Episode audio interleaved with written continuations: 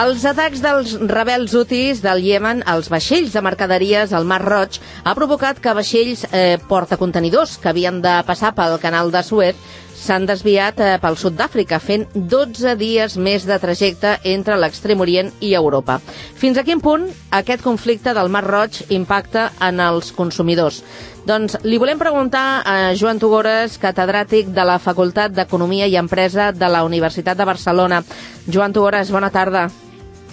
Hola, bona tarda. Per contextualitzar una miqueta els oients, eh, quin percentatge de les mercaderies que arriben a Europa provenen de l'extrem orient? Bueno, hi ha diverses estimacions. La més coneguda és que en torn a un 15% del comerç eh, mundial passa pel Mar Roig i pel canal de Suez, eh, encara que eh, en funció de que sigui tràfic de contenidors o mercaderies que vinguin sobretot d'Àsia cap a Europa el percentatge és eh, significativament més elevat del comerç entre Àsia i Europa pot estar la xifra més propera al 30% del conjunt de, de mercaderies. Mhm. -huh. I què és el que importem d'aquesta banda del món? Importem quasi tot, perquè avui en dia Àsia, començant per Xina, però també països com eh, Tailàndia, com Vietnam, que està pujant molt la seva potència exportadora, o com Singapur o com Japó, eh, o la Índia, cada vegada tenen més importància com a proveïdors de, de la Unió Europea i pràcticament eh, els hi comprem eh, de tot. Eh, D'una banda, doncs, productes eh, tèxtils, electrodomèstics, eh, tot el que cap dins, dins d'un contenidor avui en dia en un percentatge molt significatiu prové dels, dels països de l'Àsia Pacífic, que són els principals proveïdors, i eh, addicionalment també de l'Orient Mitjà prové sobretot el petroli, que, del qual encara continuem eh, depenent i que després de les incidències amb els, els subministraments que provenien de Rússia, els, les fonts de subministraments energètics, sobretot el petroli de l'Orient Mitjà, que passen per l'estret d'Hormuz i després pel Mar Roig, doncs encara han guanyat importància en termes comparatius. Uh -huh. eh, mm, quina diferència hi ha entre la situació eh, actual i, i, i la que um, es va produir durant la pandèmia? Bueno, amb la pandèmia el principal problema estava als, als ports, les mercaderies no podien ni tan sols arribar a carregar-se els vaixells perquè l'activitat dels ports estava pràcticament eh, congelada eh, a tots els països del món. Ara els ports ja funcionen en normalitat, però eh, aquesta, els riscos de travessar l'estret de, de Bab Mandet, que és el port el que la via d'entrada al Mar Roig, és la que ara està sotmès a, a riscos, sobretot pels vaixells que tenen una bandera que és de, diguem, de països occidentals, de països que són vistos amb hostilitat per part dels que estan eh, posant en risc la seva seguretat i, per tant, els països amb bandera, amb pavelló de navegació de països occidentals es veuen obligats a donar la volta pel cap de, de Bona Esperança, pel, pel sud del continent africà, la qual cosa pues, pot perllongar entre dues o tres setmanes el test d'arribada d'aquestes mercaderies, sobretot, insisteixo, les que provenen d'Àsia i ens venen a nosaltres el, els europeus. Uh -huh. D'entrada, les afectacions per a les empreses, ho comentava, més, més temps de trajecte, augmenten els costos de, dels contenidors, més vaixells per eh, cobrir la, la ruta. Tot això eh, repercuteix en el consumidor final? Sí, repercuteix en termes de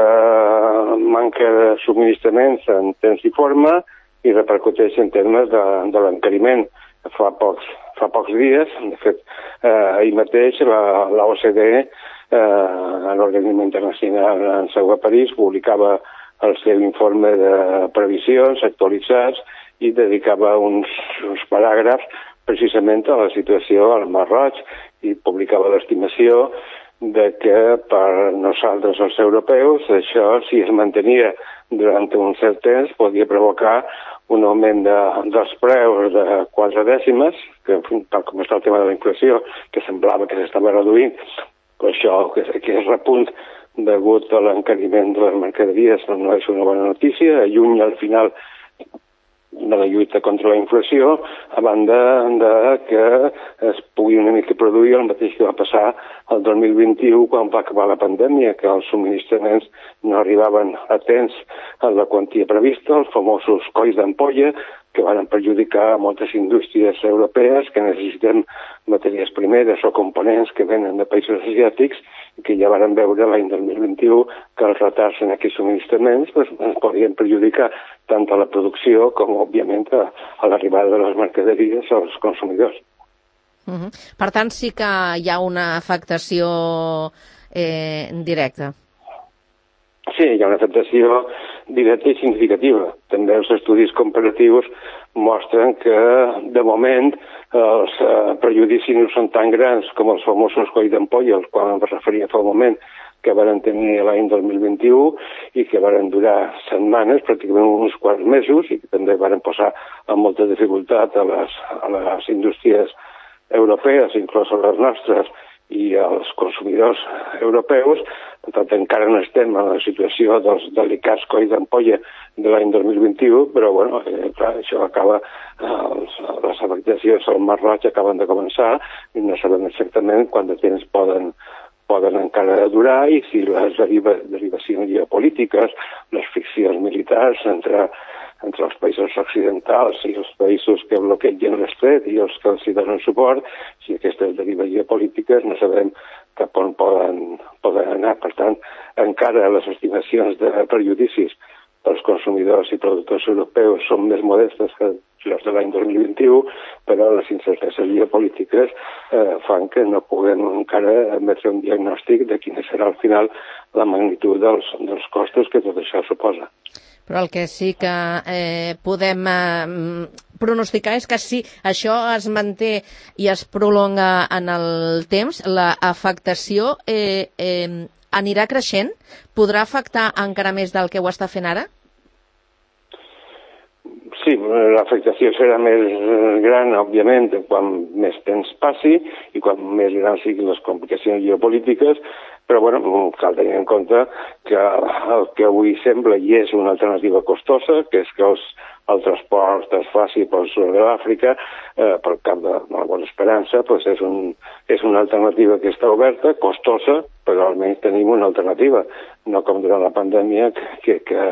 els vaixells no podien sortir eh, dels ports. Per tant, l'afectació pot ser eh, important si això es perllonga i si hi ha complicacions geopolítiques, però eh, hi ha alternatives, hi ha, hi ha fórmules per eh, intentar acotar, limitar la magnitud d'aquestes afectacions. Però jo crec que el missatge fonamental, sí. més enllà d'aquest episodi concret, és eh, la fragilitat que té el funcionament de l'economia global, de que, que depèn d'uns uh, punts crítics que si es veuen amenaçats, la forma de funcionar l'economia mundial es pot ressentir d'una manera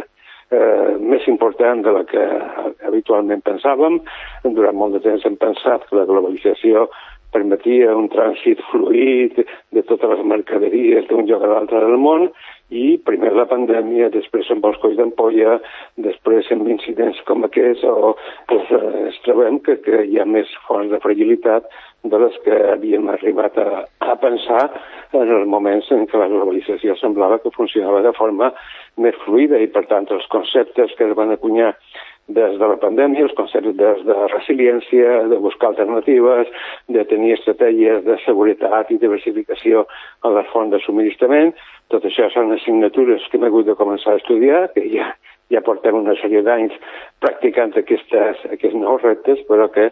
cada dia apareixen nous, noves fonts de fragilitats que ens obliguen a, a tenir això en compte. L'eficiència amb els subministraments, la fluidesa amb el subministrament, la, L'arribada de subministraments és fonamental, és la base de l'economia global, però els mecanismes de seguretat, els mecanismes de resiliència, tenir previstes alternatives de subministrament, aquesta és una assignatura que les empreses i que els països han de tenir en compte de forma cada vegada més ferma. Professor, en aquest anàlisi més global que ara estava, estava apuntant, caldria segurament afegir una altra situació que es produeix a, a l'altra banda, al canal de Panamà, i per a una qüestió que té a veure amb, amb la sequera. Eh, amb, amb aquests problemes, amb aquests conflictes que tenim eh, més d'aquest costat i, i aquest altre que li comentava, l'afectació del comerç mundial sí que mm, ja, ja és pràcticament eh, total, no? Sí, efectivament, a, respecte al canal del Panamà hi ha diferents fonts de, de friccions. D'una banda, el que vostè acaba d'esmentar, el problema de la sequera, que pot eh, reduir el capdalt d'aigua necessària perquè funciona amb fluidesa. I després també un tema que s'ha començat a parlar darrerament, que és la iniciativa de la Xina d'arribar a acords amb alguns altres països centroamericans per construir una alternativa construir un canal centroamericà que no serà per Panamà, sinó que seria per altres països políticament més alineats amb la Xina o, o amb Rússia per eh, buscar de tenir una ruta que no passi pel Panamà pel Panamà i que no depengui eh, dels Estats Units, qual cosa pues, al final entre els problemes hidrològics o mediambientals d'una banda i els, les tensions geopolítiques per l'altra ens estan deixant un panorama en què eh, la forma de funcionar el món s'ha pues, complicat molt, molt, i torno al que deia fa un moment, eh, les incerteses, els riscos, les friccions ens apareixen a qualsevol lloc, en qualsevol moment, i per tant això accentua la importància de tenir sempre plans alternatius, de tenir fonts de subministraments eh, diversificades eh, i de buscar també eh, components o matèries primeres que no depenguin tan críticament de proveïdors estrangers o proveïdors molt llunyans, sinó de tenir més, eh, més, més coberta la seguretat amb aquests aprovisionaments. O sigui, estem parlant eh, de mercats eh, locals, més de proximitat? No, estem, estem parlant d'una conjunció de, de circumstàncies. Alguns parlen, per exemple, alguns diuen fent un joc de paraules de termes anglesos, però que ja s'entenen fàcilment, que si l'època daurada de la globalització, el concepte que es feia servir era de offshoring, offshoring, eh, treure, portar les coses de fora, eh, deslocalitzacions, eh, proveïdors a nivell mundial, ara hi ha nous conceptes i d'aquests nous conceptes, un d'ells és el nearshoring, traduït literalment proveïdors propers. Nearshoring, que no vol dir locals, no vol dir autarquia, però sí proveïdors que estiguin més a, a tocar. Aquí a Europa això s'encaixa, per exemple, amb el plantejament que recentment ha desenvolupat la Unió Europea, que és el plantejament de seguretat estratègica econòmica europea, entre els quals pues, bueno, pues, diversificar els canals de subministraments, tenir els proveïdors més a prop en promig és un aspecte, i l'altre terme que està de moda també, arran de totes aquestes consideracions, és el terme de friend, friend shoring, eh, friend d'amic, mm. eh, de deslocalitzar o comptar proveïdors, però prioritzant aquells que, els que siguin aliats eh, geopolítics fiables i que no et puguin deixar penjat o que raonablement puguis tenir la confiança de que no et deixaran penjat en un, en un moment donat. Per tant, estan apareixent un conjunt de nous termes, offshoring és el terme clàssic, però això de nearshoring, de friendshoring, que són, són nous conceptes, nous termes que responen a les noves regles del lloc que les tensions geopolítiques i aquest tipus d'incidències i fragilitats estan obligant a introduir a la forma de funcionar l'economia mundial. Doncs avui hem volgut eh, abordar aquest eh, tema, a veure quina és la situació, tot i que, eh, com vostè ja ha apuntat, estem en un marc d'incertesa. No sabrem ni quan s'acabarà i quin altre conflicte pot eh, esclatar, però sí que hem volgut eh, posar el focus en aquesta qüestió i ho hem fet eh, gràcies a Joan Tugores, catedràtic de la Facultat d'Economia i Empresa de la Universitat de Barcelona, a qui li agraïm moltíssim que avui hagi estat al Connectats. Professor, gràcies i bona tarda. Gràcies. Gràcies a vostès. Bona tarda.